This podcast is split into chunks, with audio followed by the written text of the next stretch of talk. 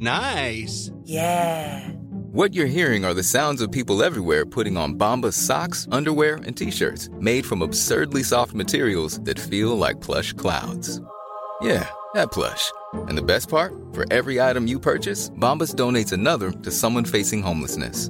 Bombas. Big comfort for everyone. Go to bombas.com slash ACAST and use code ACAST for 20% off your first purchase. That's bombas.com slash ACAST. Code ACAST.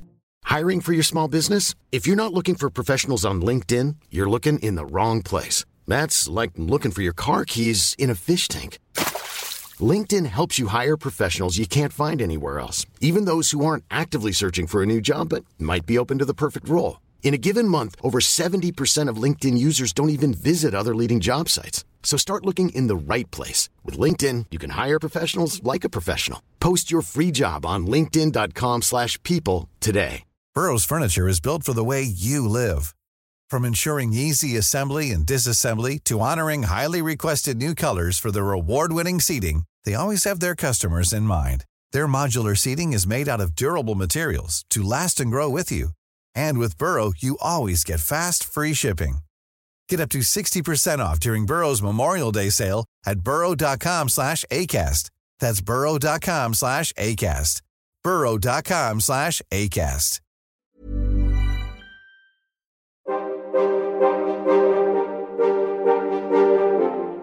De oudheid is fascinerend. Een enorme puzzel waarvan we stukjes hebben. En heel veel stukjes ook niet. Al op de basisschool trokken de verhalen over het oude Egypte, de Romeinen, Griekse mythen, het oude China en het onderzoek naar al die oude culturen en mensen me als een magneet naar zich toe. En ik wil meer. Graag neem ik, Timo Epping, je in deze podcastserie mee op reis naar het verre verleden. Ik ga in gesprek met wetenschappers die ons in iedere aflevering een uurtje meenemen in hun eigen onderzoek, hun eigen zoektocht naar de oudheid. Het is tijd voor de oudheid.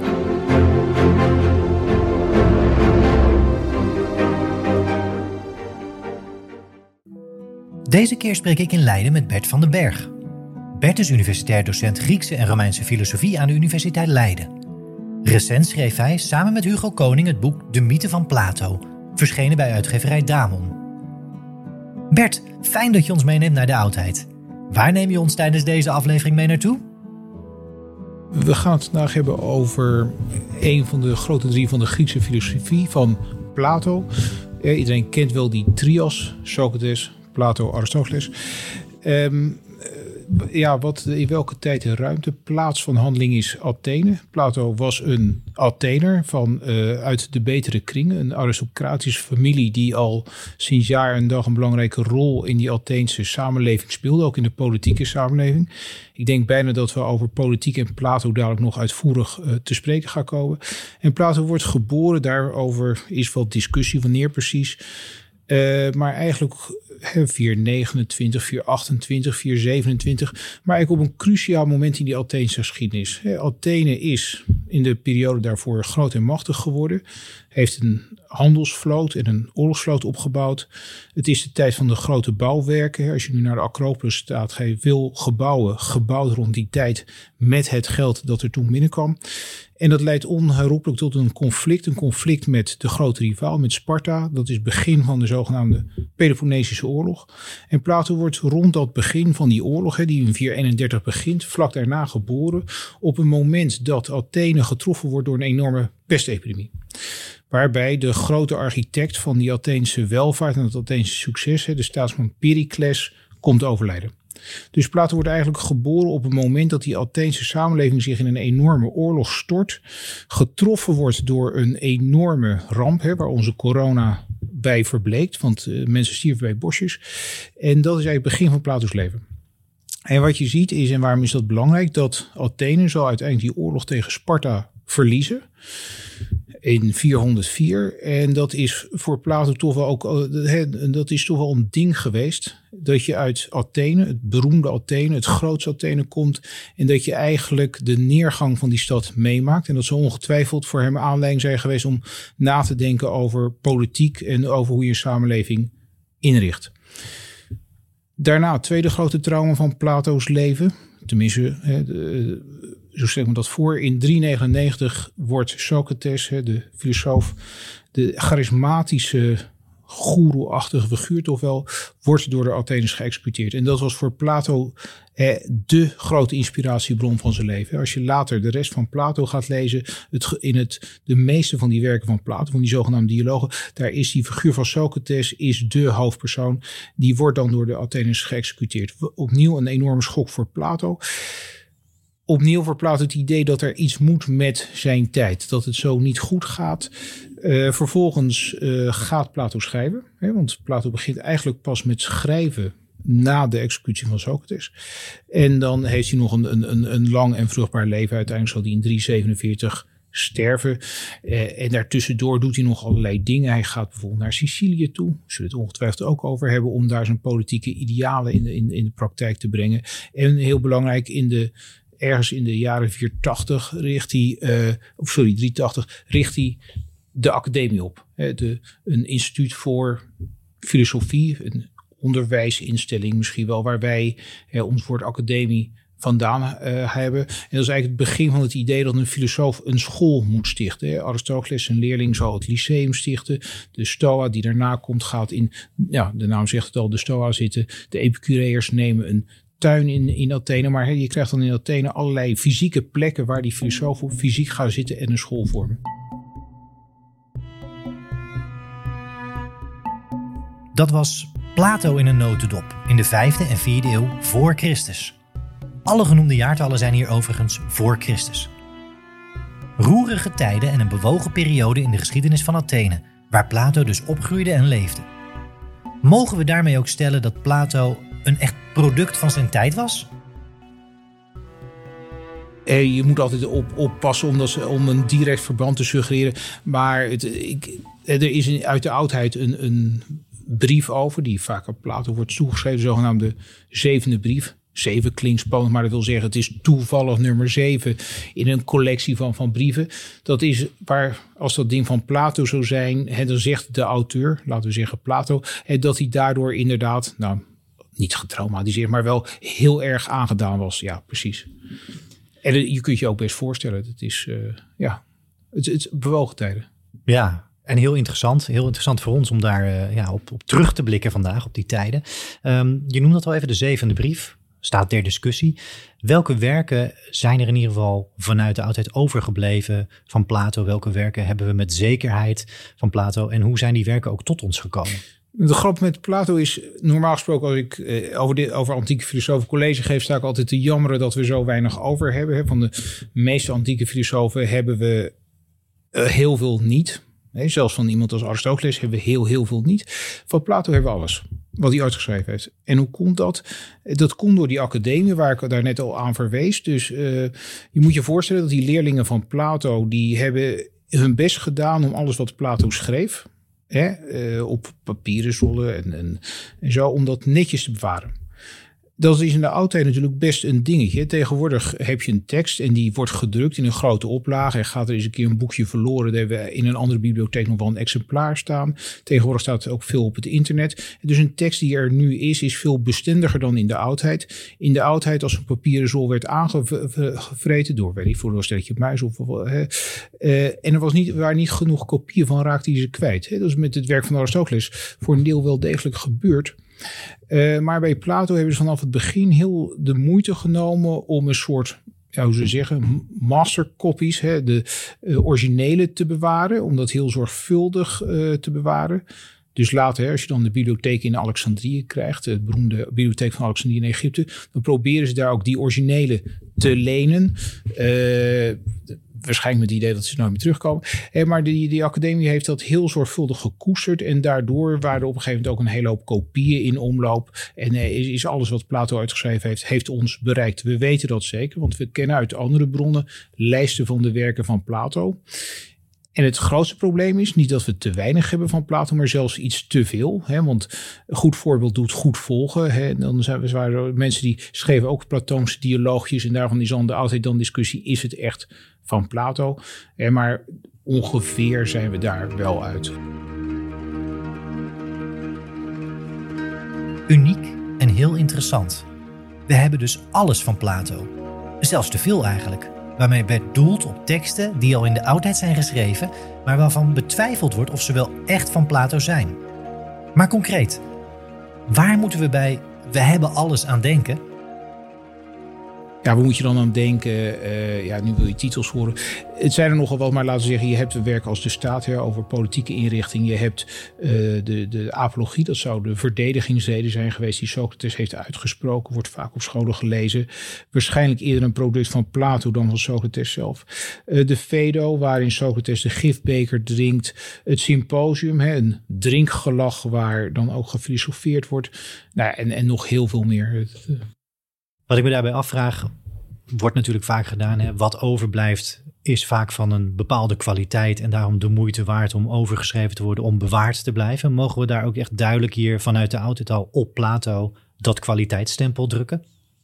Ja, ontegenzeggelijk. Dus het is, kijk, er waren in de oudheid werd Plato om hele hoop verschillende redenen gelezen. Dus er, er, waren mensen die het filosofisch interessant vonden. Maar de literaire kwaliteit van Plato is ook zodanig dat ook dat het ook gewaardeerd werd als een, een hè, voor ze, voor, ja, omdat het goed Grieks was, dat het heel mooi Grieks was, dat het eh, gewoon grootste literatuur was. En dus eh, wat dat betreft scoort hij eigenlijk op twee fronten. Het is filosofisch altijd de moeite waard uh, en het is, is, is literair is het ook ja, de, de hoogste klasse. Kun je een beetje over discussiëren. Je ziet wel wat we dan noemen het werk van de later Plato, wordt heel technisch. Nou, dat zul je iets minder snel lezen, omdat je gewoon een leuk stuk Grieks wil lezen. He, maar zeker het vroegere werk en het werk uit de, wat dan wordt genoemd de middenperiode. Ja, dat, dat is, dat, dat leest ook echt gewoon leuk, zou ik maar zeggen. Ja, dus daarmee kunnen we concluderen, en dat is ook hè, met name voor de stap naar het onderwijs, want we staan aan het begin van een schooljaar waarin de examenleerlingen Grieks in ieder geval met Plato aan de slag gaan. Maar Plato is leuk om te lezen. Plato is erg leuk om, om te lezen. Kijk, dat is, de man is, is, uh, het is een filosoof, dus er zijn argumenten, maar hij is ook een verhalenverteller. Um, wat voor Plato ook heel belangrijk is, hè, uh, die geschriften hebben, voor, hebben een dialoogstructuur. En ook kun je dialoogfiguren hebben als een soort bordkartonnen uh, ja-knikkers. In enkele keer bij Plato, maar heel vaak is daar, wordt er ook toch ook, worden ook persoonlijkheden neergezet. En wat het grappige is, dat, dat, dat realiseer je vaak niet als je Plato leest. En maar veel van die dialogen, die spelen zich, nou, die spelen zich af in de tijd van Socrates. Spelen zich dus af voor 399, voor de val van Athene in de Peloponnesische oorlog. Dus er wordt eigenlijk een wereld geschetst die er op het moment dat Plato schrijft niet meer is, maar die in al zijn kleuren en al zijn levendigheid wordt voorgesteld. Hè? Dus het, is, het is eigenlijk een soort, hoe ze zeggen, ja, historische romans zou ik het niet willen noemen, maar het is wel een soort van, een soort van historische romans. Hè? Het is, en hij wil die wereld ook graag oproepen. Hè? Misschien toch ook met het idee van. Als we willen achterhalen waar het ooit misgegaan is met die Atheense samenleving, moeten we terug toen het nog goed leek te gaan. Zoiets. Ja, interessant ook wat je zei terzijde, uh, de indeling van Plato in periodes van zijn leven. Dat is eigenlijk het vroege werk, de middentijd, waarin onder andere ook uh, de grot voorbij komt, waar we het ja, ook nog over gaan uh, en, en dan het wat taaiere late werk. Um, hoe is die indeling eigenlijk in, in drie periodes Plato tot stand gekomen? Nou, ten eerste omdat hij over de tijd schreef. Dat is natuurlijk het flauw antwoord. Uh, het is een beetje een onderwerp van, van, van wetenschappelijke discussie geweest. Dus je hebt die enorme hoeveelheid aan Platoonse dialogen. En op een gegeven moment probeer je daar structuur aan te brengen. Hè? En uh, eigenlijk gebeurt dat langs. En in de, de, op een gegeven moment is er iemand geweest die is begonnen met gewoon Griekse woordjes stellen. Zo, zogenaamde stilometrie, hè, metrie van tellen en stilo heeft al met stil te maken. En geen opvallende woorden, geen woorden met een grote technische lading, maar van het soort woorden die, die je zonder al te veel nadenken gebruikt, maar die dan op een gegeven moment 10 of 20 jaar later gedateerd zijn en dan ga je een ander woord gebruiken. Uh, ik, ik, probeer even een voorbeeld te doen. Nou, zeg, zeg ik weet niet. Um, een woord als meters, hè, ik noem maar wat, dat, dat zou je tegenwoordig niet meer gebruiken. Dus een tekst waar meters in voorkomt, hè, zal wel een wat oudere tekst zijn. Nou, zo zitten bij Plato ook, ook hele kleine woordjes. En dat zijn ze op een gegeven moment gewoon eens gaan tellen met die kilometrie. En toen kwam daaruit dat daar blijkbaar duidelijk groepen van werken te onderscheiden waren. die silometrie die wordt nog steeds gebruikt. Hè? Als je denkt, uh, er is uh, een tijd terug had uh, Rowling, hè, de, de auteur van de Harry Potter boeken, die had, was blijkbaar klaar met, met tovenaars. En die is toen onder pseudoniem detective boeken gaan schrijven, die gewoon in de moderne tijd zitten. Nou, je snapt dat in die moderne detectives hè, zitten geen stover, toverstokjes en, en, en, en, en uh, toverspreuken en dat soort dingen. En dus op dat soort woorden moet je niet zoeken. Maar er was iemand die dacht van, hey, dit is te goed om door een, een uh, debutant geschreven te zijn, door een beginner. Laten we eens kijken, laten we eens stellen. En tegenwoordig kan dat met de computer. En toen zei de computer Rowling. Nou, iedereen hè, van dat zal wel niet, hè, want Rowling dat is een mevrouw en die schrijft over tovenaars. En deze auteur gaf voor een Britse veteraan te zijn. Maar verdomd dat het niet waar was. Het was inderdaad Rowling die verraden werd door dat onbewust gebruik van woorden. Nou, bij Plato kan je dat ook doen. En dan zie je eigenlijk dat je drie groepen krijgt die ook thematisch iets met elkaar te maken hebben. He, dus dan heb je twee verschillende redenen om, om tot zo'n indeling in periode te komen. Het zogenaamde vroege werk. Daarin heb je uh, de figuur van Socrates die centraal staat en die elke keer vragen oproept die tot problemen leiden, een aporie. Die, en uiteindelijk wordt dat probleem niet beantwoord. En zegt Socrates heel, heel, uh, heel blijmoedig van nou dat is fantastisch, dan gaan we hier morgen mee verder. En je snapt dat die gesprekspartners denken, joh morgen zie je mij hier niet meer. Eh, dan is er een overgang naar de middendialoog, is nog steeds Socrates.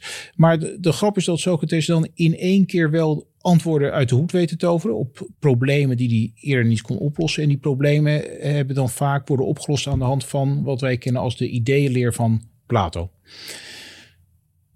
dat zijn over het algemeen die middendialogen ook hele mooie dialogen om te lezen qua Grieks. En dan zie je op een gegeven moment in wat we zijn gaan zien als de late groep, ook op stilometrische gronden, dat die figuur van Socrates naar de achtergrond verdwijnt. Vrij letterlijk in de dialoogvorm. Dan zit hij aanvankelijk nog ergens in een hoekje een beetje te luisteren. Maar als je naar de allerlaatste uh, tekst van Plato gaat, de wetten, en we weten dat dat de laatste is, hè, want de antieke biografen vermelden dat hij gestorven is terwijl hij nog aan zat te schrijven. Uh, daar is de hele figuur van Socrates is helemaal verdwenen. Hè? En wat je daar ziet is dat die ideeënleer of zijdelings aanwezig is of geproblematiseerd wordt. Maar dat lijkt een soort, toch een soort andere fase in het denken van Plato zijn. Het is technisch, die ideeënleer die, die, uh, ja, is veel minder prominent. Hè, dus dat is ideeënleer, de metafysica van Plato. Gaan we dadelijk ook nog over hebben, ongetwijfeld. en, en die figuur van Socrates verdwijnt. Hè, dus dat, dat is eigenlijk een indeling die langs twee kanten wordt bevestigd. Grote vraag is, wat moet je daar nou mee? Er is heel lang gedacht dat het een ontwikkeling schetst binnen het schrijverschap van Plato zelf. En die begon als leerling van Socrates. Dus die begon een beetje in het voetspoor van Socrates vragen op te werpen waar hij geen antwoord op had. Dan zou hij in die middenperiode zijn eigen filosofie ontwikkeld hebben, de ideeënleer. En dan zou hij in die latere uh, periode daar op zijn minst wat kritisch naar zijn gaan kijken. En vooral ook technischer naar zijn gaan kijken. Dus dat zou een ontwikkeling van Plato schetsen. Er zijn tegenwoordig ook geleerden die zeggen: ja, misschien gaat het niet zozeer om de ontwikkeling van Plato zelf. Maar dat Plato de lezer probeert mee te nemen richting uh, een bepaalde manier van denken. En misschien dat Plato wel doorhad dat als hij gelijk met die ideeënleer aan de slag was gegaan, eh, dat dan zijn lezers gelijk afgehaakt worden. Want we zullen daar zien, dat is eigenlijk een vrij bizarre theorie. Maar dat je nu eerst geconfronteerd wordt met allerlei problemen, die vroege dialogen, dat je dan denkt, ja, wat is het antwoord? Dat je dan in die middendialogen het antwoord aangereikt krijgt.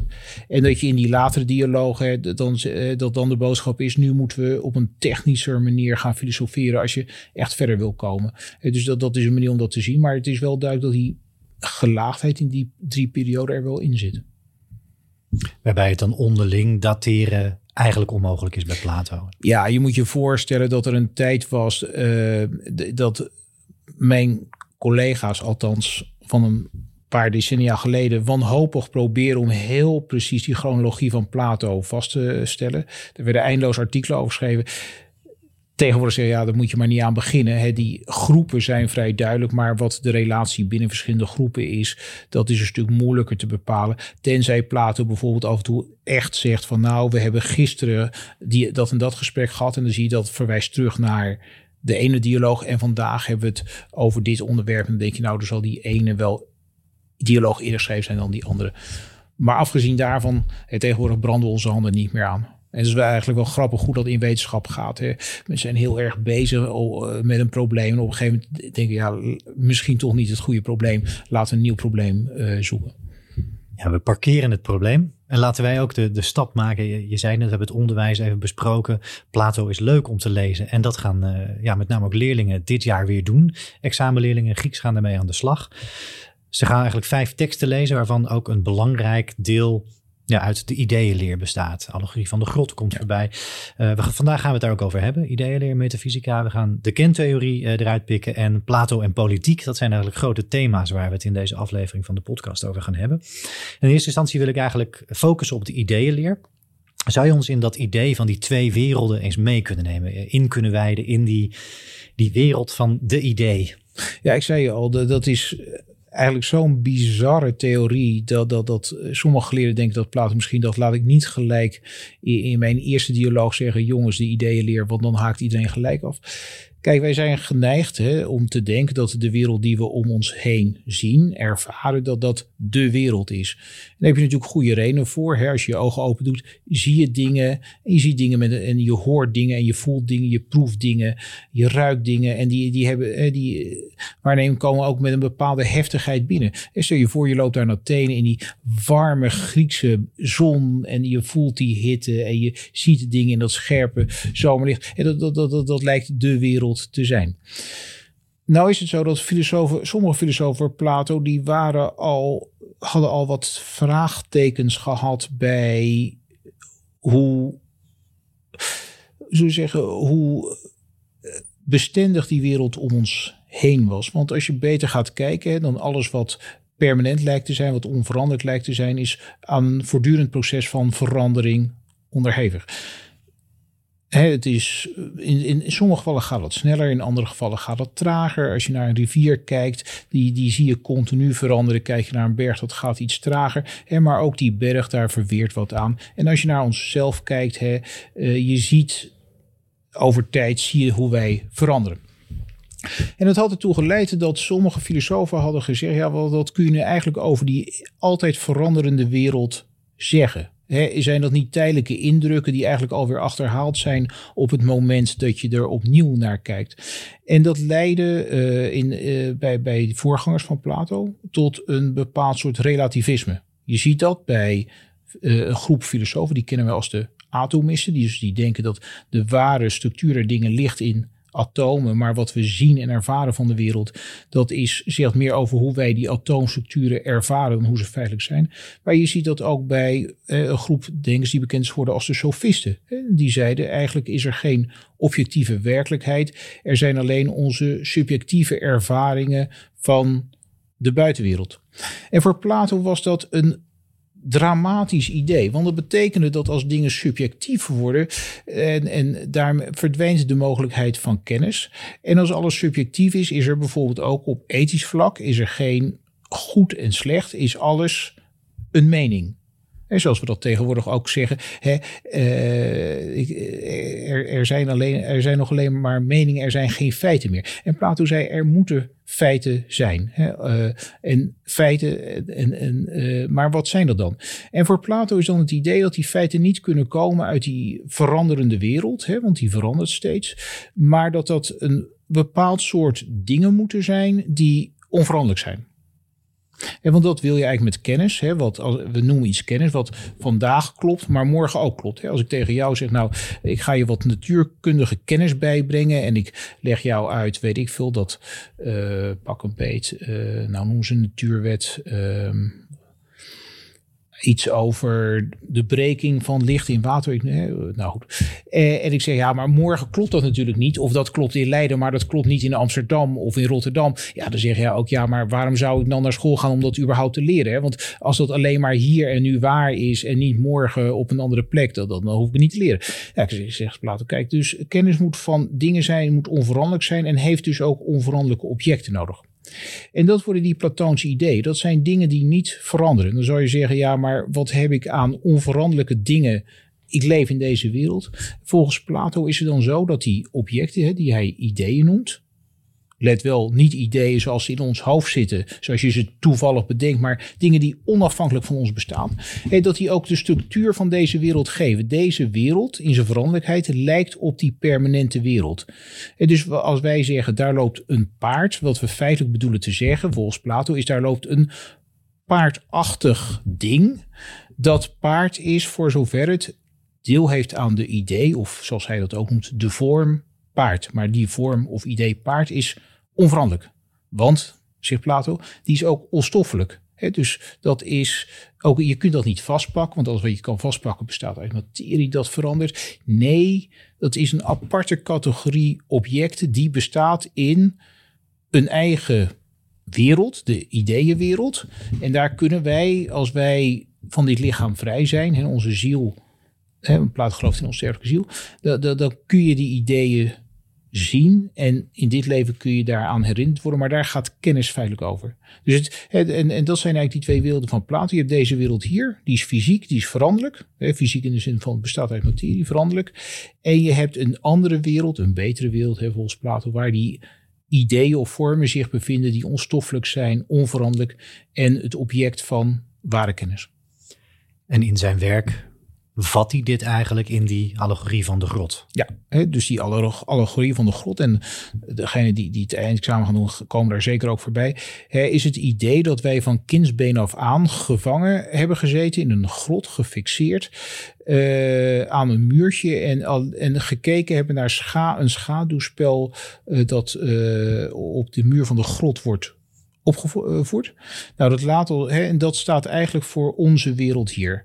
Nou, schaduwen, niks is vluchtiger, onbestendiger en vager dan schaduwen. En dus dat laat wel zien wat voor volgens Plato de status van deze wereld is in de zintuigelijke waarneming. Nou, die, een van die gevangenen die wordt dan losgemaakt uit die boeien. En Plato benadrukt dat het een pijnlijk verhaal is. Stel je voor, je hebt je hele leven lang heb je vastgeketend gezeten. En dan in één keer moet je op gaan staan en je nek gaan draaien en dat soort dingen en gaan lopen. Dat doet natuurlijk helse pijn. Maar die gevangene wordt dan min of meer gedwongen die grot uit te gaan. Ja, ik, vertel nu iets korter dan dat hele beeld. Maar, eh, eh, en komt dan in de bovenwereld terecht, waar er veel zonlicht is. En waar die niet de schaduw van een boom ziet, maar de echte boom. En dan snapt u natuurlijk dat die schaduw van die boom, die hij bekeken heeft in die grotwereld, dat dat natuurlijk een, een, een flauwe afspiegeling van, was van het echte ding. Hè? Dus dan zie je heel duidelijk die twee werelden leer. Wij zitten in een grotachtige wereld waar we alleen maar vage schimmen zien.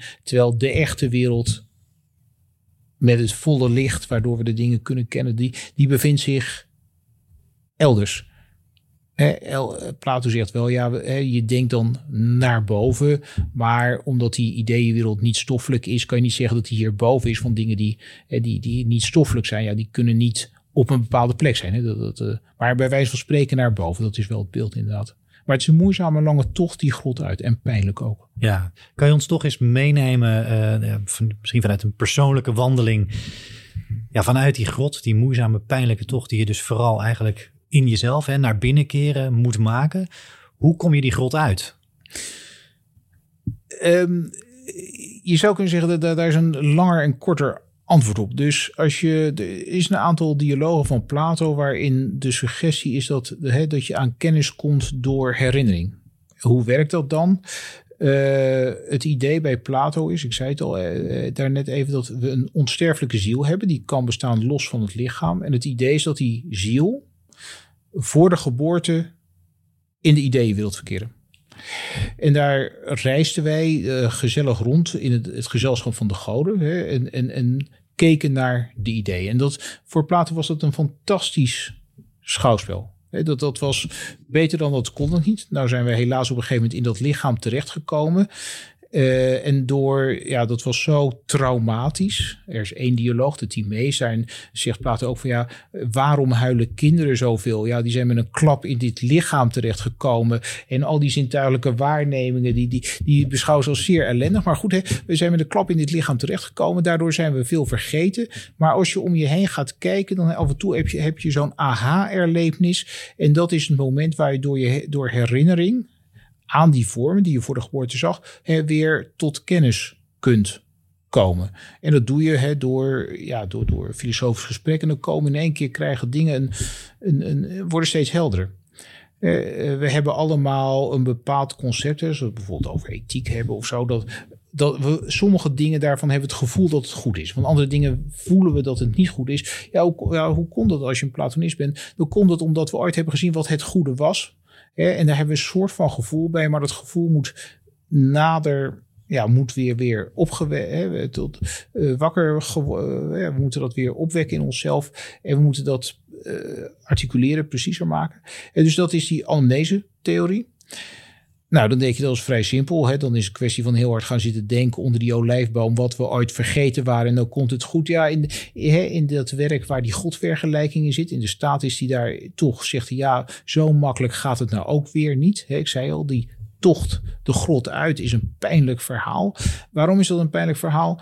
Uh, dat is omdat de het soort onderwijs dat je nodig hebt uh, om, om zover te komen een langdurig proces is, waar bijvoorbeeld iets als wiskunde een belangrijke rol in speelt.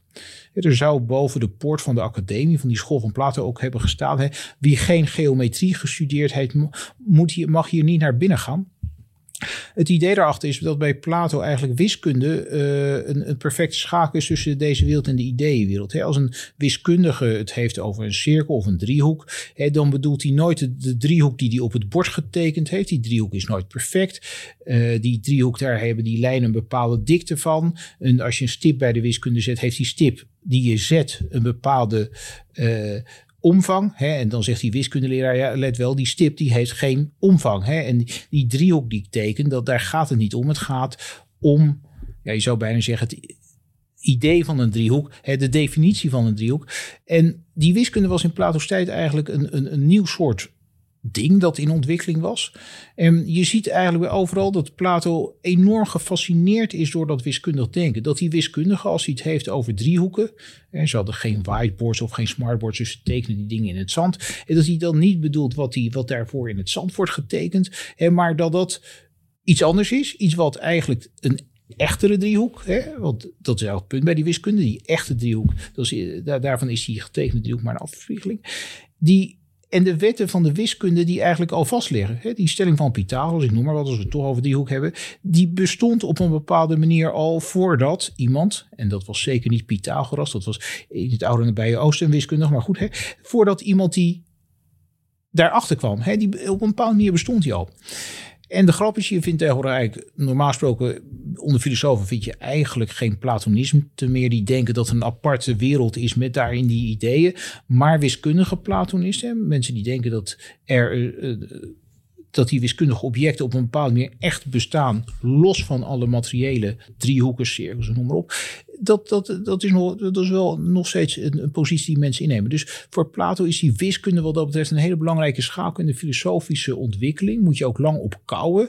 Vervolgens heb je ook allerlei technische oefeningen in, in, in de filosofie, wat hij dan noemt dialectiek. Daar worden in de oudheid ook grappen over gemaakt. Maar goed, dat is een gekke methode. Pogen tot definitie te komen. Dus dan krijg je dat soort dingen. Ja, wat is een levend wezen. Dus vooral niet late dialogen. Ja, levend. Uh, sorry, was een mens. En dan is dat, ja, dat is een levend wezen dat kaal is en op twee benen loopt. En dan is een andere filosoof die denkt, nu zullen we je hebben. Je moet je voorstellen, als die academie, dat was geen ivoren toren. Hè? Dat was een, stukje van een vrij publiek toegankelijk park. Uh, waar mensen ook rondliepen. En een andere filosoof die hem Plato wilde zieken zou een geplukte kip over de schutting hebben gegooid. En gezegd van kijk, de mens van Plato. En volgens, uh, dit is allemaal natuurlijk apocryfe overlevering. Uh, maar vervolgens zou dan Plato zegt oké, maar dan moet hij ook nagels hebben. Hè? Maar zoiets. Maar, maar dat soort oefeningen, dat zat er ook bij dialectisch denken. Dan uiteindelijk zou je blijkbaar op een soort intuïtieve manier toegang krijgen tot die Platoonse ideeën. Maar het is een langdurig proces. Ja, het is een lange weg, langdurig proces. Um, interessant proces ook. Om het, uh, ja, daar zou het veel uitgebreider over kunnen hebben. Jazeker. Voor nu, uh, ja, met name interessant ook om te kijken, want het zit in die Politeia, dit stuk. Ja het zit daar niet voor niets. Nee, en het zit zelfs midden in de Politeia. Dus als je zeg maar uh, nu een boek open zou... Hè, tegenwoordig hebben we gedrukte boeken in zijn tijd waar het boekrollen. Maar als je nu een gedrukte editie open doet, is het ongeveer precies in het midden. En dat, eh, daarvan is wel gezegd, dat is niet voor niks als eigenlijk uh, de, de ja, de as waarom het hele werk draait. En, en misschien wel heel Plato, bij wijze van spreken. Hey, I'm Ryan Reynolds. Recently, I asked Mint Mobile's legal team if big wireless companies are allowed to raise prices due to inflation. They said yes. And then when I asked if raising prices technically violates those onerous two-year contracts, they said, "What the f*** are you talking about? You insane Hollywood ass." So to recap, we're cutting the price of Mint Unlimited from $30 a month to just $15 a month. Give it a try at mintmobile.com slash switch. $45 upfront for three months plus taxes and fees. Promo rate for new customers for limited time. Unlimited more than 40 gigabytes per month. Slows. Full terms at mintmobile.com. Burrow is a furniture company known for timeless design and thoughtful construction and free shipping, and that extends to their outdoor collection. Their outdoor furniture is built to withstand the elements, featuring rust-proof stainless steel hardware, weather-ready teak, and quick-dry foam cushions. For Memorial Day, get 15% off your Burrow purchase at burrow.com slash ACAST and up to 25% off outdoor. That's up to 25% off outdoor furniture at burrow.com slash ACAST.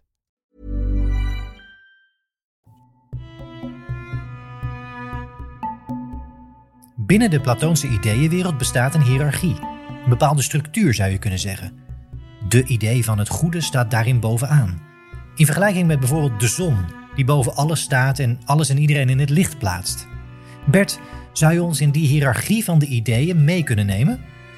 Ja, kijk, als uh, hiërarchie, je moet je voorstellen inderdaad die, die Platoonse ideeënwereld, dat is niet uh, soort één pot nat waar al, al die verschillende ideeën een beetje ronddobberen. Uh, Plato zegt in, in, die, in, in, de staat, in een vergelijking, dat de, de vergelijking van de zon, je moet je voorstellen dat de idee van het goede de ultieme idee. Zou je zullen zeggen, je hebt het nu over de idee, weet je zeker niet dat het het idee is. En maar als we het over Platoonse ideeën hebben, om aan te geven dat het niet normale ideeën zijn, hebben we het vaak over de idee, de idee in het Nederlands. Um, en hij zegt van de idee van het goede staat boven alle andere ideeën. Uh, en net zoals de zon in deze wereld het mogelijk maakt dat door, door het zonlicht groeien de dingen, hè, kennen Platoons gezegd, worden. En kun je ze zien, zo maakt het de, de idee van het goede, het zijn van de andere ideeën mogelijk. En maakt het, hè, groei is verandering natuurlijk, dat is voor de ideeën zou het dus slecht nieuws zijn, maar het zijn van de ideeën. Uh, en maakt het mogelijk dat ze gekend worden. Ja, wat bedoelt hij daarmee? Veel discussie natuurlijk over. Uh, maar al die ideeën zijn perfect. He, ze zijn mede ideeën omdat ze de perfecte, he, de, de best mogelijke uh, uh, instanties zijn. Hè, de idee paard is het perfecte paard, is dus een goed paard. Uh, en ja, wat is dan weer goed aan een paard? Misschien dat hij snel draagt of zo. Dat, dat, is dan vers 2. Maar dingen zijn echt omdat ze goed zijn. Dus dat, dat, daar zit dat idee van zijn. En als je, pas als je weet waar dingen, wat het goede aan dingen is, ken je ze echt. Ik zal maar zeggen, als ik jou hier nu, uh, stel je voor, je komt uit, uh, uit het Amazonegebied en ik laat jou nu een, een uh, blikopener zien. Ja, dan kun je die wel beschrijven als een ding van staal en er zit een wieltje in. En maar je snapt pas echt, je weet pas echt wat het is. Je hebt pas echt kennis als je weet waar zo'n blikopener goed voor is. Uh, dus ongeveer misschien op die manier. Het is een wat vage benadering. En dan gaat hij ervan uit dat er vervolgens nog een aantal niet in de staat maar elders. Een soort, wat hij noemt, de vijf hoogste soorten aan ideeën zijn hetzelfde en het andere en, en dat soort zaken. Dus die ideeën, wilt, daar zit wel een bepaalde structuur in. Misschien als we nog tijd hebben, we komen over te praten, is met name de idee van het goede is iets waar een latere filosofische in de oudheid, de neoplatonisten, uh, heel erg veel werk van maken. En die zeggen, ja, dat betekent, dan moet je letterlijk nemen wat Plato hier zegt, namelijk dat het idee van het goede staat boven de ideeën, zorgt voor het zijn van de ideeën en zou dan zelfs boven het zijn staan.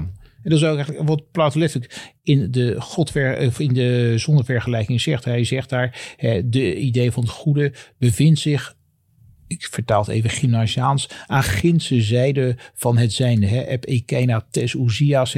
Dus dat, dat lijkt suggereren dat het ding boven het zijn is. Dat wordt lastig, want als hij boven het zijn is, is hij zelf niet.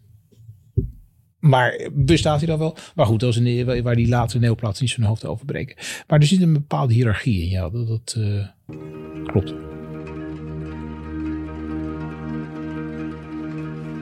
Plato gaat er dus, Bert vertelde het al, vanuit dat ieder mens een ziel heeft die zich vormen of ideeën uit de ideeënwereld, waar die dan ook mag zijn, kan herinneren op aarde. En dat zich herinneren noemen we anamnese. Mensen kunnen zich door, zoals besproken door Bert, een moeizame weg af te leggen, die ideeën weer herinneren, kunnen weer tot kennis komen. Mensen bestaan dus eigenlijk uit twee belangrijke elementen: een lichaam en een ziel. De ziel heeft de ideeën voor de geboorte gezien. Het lichaam drukt die kennis eigenlijk weer weg. Je zou kunnen zeggen, Bert, zit bij Plato het lichaam en de bijbehorende zintuigen eigenlijk niet voornamelijk in de weg? Kijk, het interessante natuurlijk als je denkt over die grotvergelijking, is Plato is, er wordt wel van Plato gezegd dat hij verantwoordelijk is voor wat we zijn gaan noemen het dualisme in het westers denken. Dualisme wil zeggen uh, een, een vrij rigoureuze scheiding tussen, bij Plato is dat lichaam en ziel, bij Descartes wordt dat lichaam en geest. Maar dat dat twee verschillende entiteiten zijn. En dat heeft allerlei vergaande en interessante implicaties. Als je zegt er is sprake van een duidelijk onderscheid tussen lichaam en ziel, of moderne filosofie lichaam en geest, dan vervreem je je tot, op zekere hoogte van het lichamelijk. Bij Plato is bijvoorbeeld de rol van de zintuigen uh, ondergeschikt. Voor Plato zijn zintuigen uh, dingen die je op zijn best helpen om je te laten denken aan de ideeën. Dat is dan weer dat proces van herinnering van anamnese. Ik zie een paard in de wei en dan denk ik, goh, ik heb dat eerder gezien. Oh ja, de idee paard. Hè. En, maar voor de rest Plato die zintuigen natuurlijk minder interessant, want uiteindelijk gaat het om hoe je met je ziel, met je, uh, op een intellectuele manier, je de idee paard gaat herinneren. Dus dat betekent dat Plato eigenlijk die zintuigen is op zijn best ja, het is nuttig om niet overal tegenaan te lopen. Dat, eh, dat, is, het is een hele grappige anekdote uh, die in een van die dialogen van Plato wordt verteld. Hoe een filosoof uh, zo in gedachten verzonken is dat hij in een put loopt. En dan komt er een Thracisch dienstmeisje voorbij. Dat is in die antieke komedie vaak het ja, stereotype domme blondje waar, waar grap over wordt gemaakt. Maar die lacht dan meneer de filosoof uit. Dan zegt hij, haha, he, zegt ze, haha, meneer de filosoof is zo slim, maar je ziet er geen eens wat er voor zijn voeten is. Nou, Plato vertelt dat verhaal om maar te laten zien dat die filosoof eigenlijk maar zeer beperkt bezig is met die zintuigelijke wereld. Uh, Plato is heel erg bezig met zaken als schoonheid. Hè. Plato denkt dat de ultieme schoonheid opnieuw een idee is dat de ware schoonheid is een kwaliteit van de ideeën.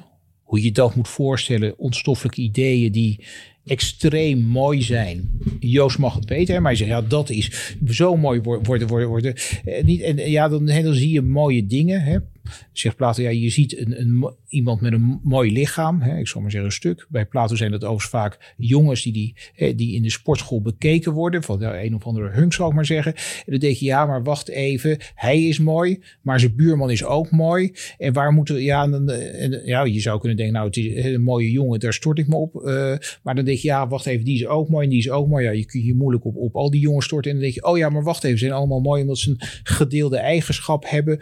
En dan heel kort door de bocht, ik zei het is eigenlijk een langer proces. Denk je ineens van, aha, ze zijn mooi omdat ze deel hebben aan de idee mooiheid of, of schoonheid. En misschien is dat veel interessanter om te bekijken dan die, dan die, dan die jongens met hun gespierde lijven die ik daar zie lopen. Uh, dus voor Plato zal het, het lichamelijk wordt eigenlijk op een zijspoor gezet. Zijn leerling Aristoteles vindt dat echt complete waanzin. Hè? Bij Aristoteles uh, Aristoteles is eigenlijk wel grappig. Die heeft twintig jaar lang, dat, dat, dat, dat is twintig jaar lang, heeft hij in die academie van Plato gelopen. En dat is geen enorm onderwijsfabriek zoals een moderne universiteit. Hè. Uh, maar dat was, zoals ik al zei, was eigenlijk een vrij klein instituutje. Waar uh, mensen elkaar gewoon persoonlijk kenden. En Aristoteles heeft er blijkbaar sport van gemaakt om alles als Plato aanzegt om vervolgens beter te zeggen. Dus als Plato zegt kennis is een product van denken met je onstoffelijke ziel, zegt Aristoteles nee, kennis is het product van waarneming. En eh, Aristoteles heeft natuurlijk ook wel een zielbegrip, hè, maar dan is het bij Aristoteles dat je neemt waar en dan ga je denken en op basis daarvan trek je conclusies. Maar kennis begint bij Aristoteles zeer nadrukkelijk bij de waarneming. En, en, en, en bij Aristoteles zijn er ook geen aparte ideeën. Hè. Er zijn wel vormprincipes bij Aristoteles, maar die zitten gewoon in de dingen bij Aristoteles eigenlijk, een, die bedenkt, ik zal maar zeggen, heel anachronistisch gezegd, de voorloper van wat wij tegenwoordig DNA zouden noemen. Bij Aristoteles waarom is een paard een paard? Nou, omdat zijn vader een paard was. En die heeft de vorm paard, Meelse voortplanting, gewoon doorgegeven aan dat veulen. En die gelooft helemaal niet meer dat er een losse Platoons idee wil beschrijven. Hij vindt dat echt een, een, een dwaas idee. Hij, zegt het beleefder. Heeft in een van zijn werken zegt Aristoteles: ja, er zijn vrienden van de vormen en met name vrienden van de vorm van het goede. En dat zijn grote vrienden van ons. Maar ik ben een nog groter vriend van de waarheid. En daarmee zegt hij eigenlijk niet dat Platonisme, dat, dat, dat, laat maar zitten. Uh, maar, maar die neemt daar echt stelling tegen. Maar, maar voor Plato is, is die zintuigelijke waarneming is hooguit het begin. En dan moet je zo snel mogelijk achter je laten. En dat leidt natuurlijk ook tot een wat geforceerde relatie met het lichaam. eigenlijk is het lichaam bij Plato iets waar je uiteindelijk van af wil komen. Als je bijvoorbeeld leest Socrates, als hij op het punt staat geëxecuteerd te worden in de Phaedo dan is hij daar heel blij over, want dan is hij eindelijk van dat lichaam af. Ja, dat is een, ja, en er is wel gezegd, hè, maar dan zit je, zit je later bij, bij filosofen als Nietzsche. Hè, die zeggen ja, maar dat is eigenlijk een soort intellectuele pedant op wat je bij het christendom hebt. En, en die, die afkeer van het lichamelijke, dat, dat, dat is eigenlijk niet wat je zou moeten hebben. En Nietzsche noemt zelfs christendom platonisme voor het volk. Nou, daar is wel en niet wat voor te zeggen. Uh, in die zin, er zijn ook wel, wel directe lijnen tussen Platonisme en sommige christelijke auteurs. Bijvoorbeeld Augustinus had heel veel Plato en Platoonse traktaten gelezen. Um, maar goed, dat is niet. Hè? Maar dat, dat probleem met dat hè, lichamelijke, dat, dat is wel, wel typerend. Hè? Waar wij tegenwoordig zeggen, hè, zoals bijvoorbeeld laatst die breindeskundige Schwab, wij zijn ons brein. Daar zou Plato ogenblikkelijk zeggen, nee, nee, wij zijn onze onstoffelijke ziel. En, en, en, en dat dat lichaam er zit als mooi meegenomen. Of ja, dat is helaas zo. Dat is een gevangenis waaruit we moeten zien te ontsnappen. Ja, ja de, de onstoffelijke ziel, maar hè, eigenlijk de kern van de kerntheorie van Plato is ook de onsterfelijke ziel. Ja, zeker. En, en hij heeft die onsterfelijke ziel nodig. Want als kennis is ideeën die je voor dit leven hebt gezien, dan moeten die ideeën, dan moet die ziel bestaan voor, voordat je in het lichaam kwam. Dus hè, waar, wij misschien denken dat onszelf, hè, wie we zijn, uh, veroorzaakt wordt door dat lichaam. Hè, die, die hersens die staan te pruttelen en zo. En dan krijg je een soort het is wat, ik denk dat de filosoof zien wat te kort door de bocht is om te zeggen: wij zijn ons brein, maar we zijn misschien tot op zekere hoogte wel product van, uh, van zo'n brein. Hè? Dat, dat, uh, is het bij, bij, bij Plato zo dat, dat die ziel bestaat al. Hè? Er is al, ik ben er al voordat mijn lichaam er is. En ik kom per ongeluk in dat lichaam terecht. Als die ziel bestaat voor de geboorte, dan kan die zonder een lichaam bestaan. En dan zou het eigenlijk ook gek zijn als die ziel na eh, de dood op zou houden te bestaan. Dat is een soort symmetrisch argument dat hij ontwikkelt. Als het voor de geboorte kan bestaan, dan waarschijnlijk ook na de geboorte. En daar komt bij Plato, ja, ik zou bijna zeggen, een hele hoop ellende uit voort. Want als die ziel kan bestaan na de dood, en als de wereld uiteindelijk goed is, omdat hè, bovenaan staat ergens de idee van het goede en de goden zijn ook de hele tijd met het goede bezig, dan moet daar uiteindelijk toch een soort vereffening plaatsvinden na dit leven. Hè? Want het probleem is natuurlijk dat we, dat herkennen we allemaal wel, er zijn toch heel veel boeven en schurken die oud en, uh, oud en rijk in hun bed overlijden. Er zijn een hele hoop goede mensen met wie het jong slecht afloopt. Nou, daar heeft Plato dan een probleem mee. Maar de oplossing is dan dat de boeven, zal ik maar zeggen, worden hierna gestraft. En de, de, de, de, de goede mensen worden beloond. De beloning is dan dat je fijner weer naar de ideeën mag gaan kijken tot een volgend moment van reïncarnatie. Want uiteindelijk moet je wel weer terug. En die boeven die worden gestraft. Dat is de beroemde hiernamaals-mythes van Plato. Hij heeft drie mythen over een soort goddelijk gericht na de dood. Uh, het zijn hele curieuze verhalen. Plaats is überhaupt wel dol verhalen, maar dit zijn hele curieuze verhalen. Een van de grote problemen is bijvoorbeeld dat die booswichten, die worden gestraft door vurige duivelachtige wezens. Uh, waarbij je dan weer afvraagt, ja, maar als je nou een pure ziel bent, hoe kun je dan fysiek gefolterd worden? Latere Platonisten hebben daar wel een oplossing voor. Die zeggen, ja, dat beeld je je in. Maar goed, het is overigens wel zo, wel, wel, wel aardig dat die vurige duiveltjes, dat dat tot op zekere hoogte waarschijnlijk het begin is van, van wat je later in het christendom krijgt, het idee van een hel. Als je bijvoorbeeld het Oude Testament zou lezen, en zelfs hele stukken van het Nieuwe Testament, daar is er eigenlijk heel weinig over hel en verdoemenis. Hè? Dat, dat, uh, een klein beetje in het Nieuwe Testament ook toe, maar is eigenlijk heel minimaal. Maar de, de, de, een deel van die voorstelling komt, lang verhaal, maar goed, vanuit die Platoonse mythe komt dat op een gegeven moment dat christendom binnen. En maar, maar dat is, ja, dat is. En je snapt dat, dat latere, sommige latere filosofen, bijvoorbeeld Epicureërs, die, hè, die zeggen: ja, je moet niet bang zijn voor de dood, want de dood is het einde van alles, dus ook van alle ellende. Die, die, die slaan hier natuurlijk ogenblikkelijk op aan. Die zeggen: ja, wat zijn dat voor, voor, wat voor flauwe sprookjes om mensen angst aan te jagen. Maar voor Plato was het duidelijk toch heel belangrijk. Hè? En om je ervan te verzekeren dat je na dit leven goed terecht komt, moet je goed leven. En goed leven betekent dus ook goed filosoferen. Hè? Dus uh, hij zegt dat ook in de staat. Als je, uh, ja, als je goed voor jezelf wil zorgen, ga dan in godsnaam filosoferen. Want alleen dan kun je het goede doen. En alleen dan komt het hierna goed met je. Ga in godsnaam filosoferen. En dat hebben we gedaan. Bert nam ons mee op een interessante reis langs het leven, de werken en de ideeënleer van Plato. Plato, die dit schooljaar dus centraal staat voor leerlingen die in mei 2024 eindexamen Grieks gaan doen. Dankzij Bert weet ik in ieder geval weer waarom ik in mijn eigen tijd op de middelbare school antieke filosofie, waaronder dus Plato, zo interessant vond. Soms pittig, maar fascinerend. En deze boeiende reis met Plato krijgt een vervolg. Over niet al te lange tijd volgt een tweede aflevering over Plato en politiek. Wederom met Bert van den Berg. Dank je voor het luisteren naar De Oudheid, de podcast over het verre verleden. En wil je meer oudheid? Vergeet dan niet om de podcast te volgen daar waar jij podcast luistert. Iedere nieuwe aflevering verschijnt dan automatisch in je feed. Likes en reviews worden uiteraard gewaardeerd en vergeet vooral ook niet om de podcast met iedereen die jouw interesse deelt te delen. Heb je ideeën of suggesties voor de podcast? Mail dan naar info@eppingproductions.nl.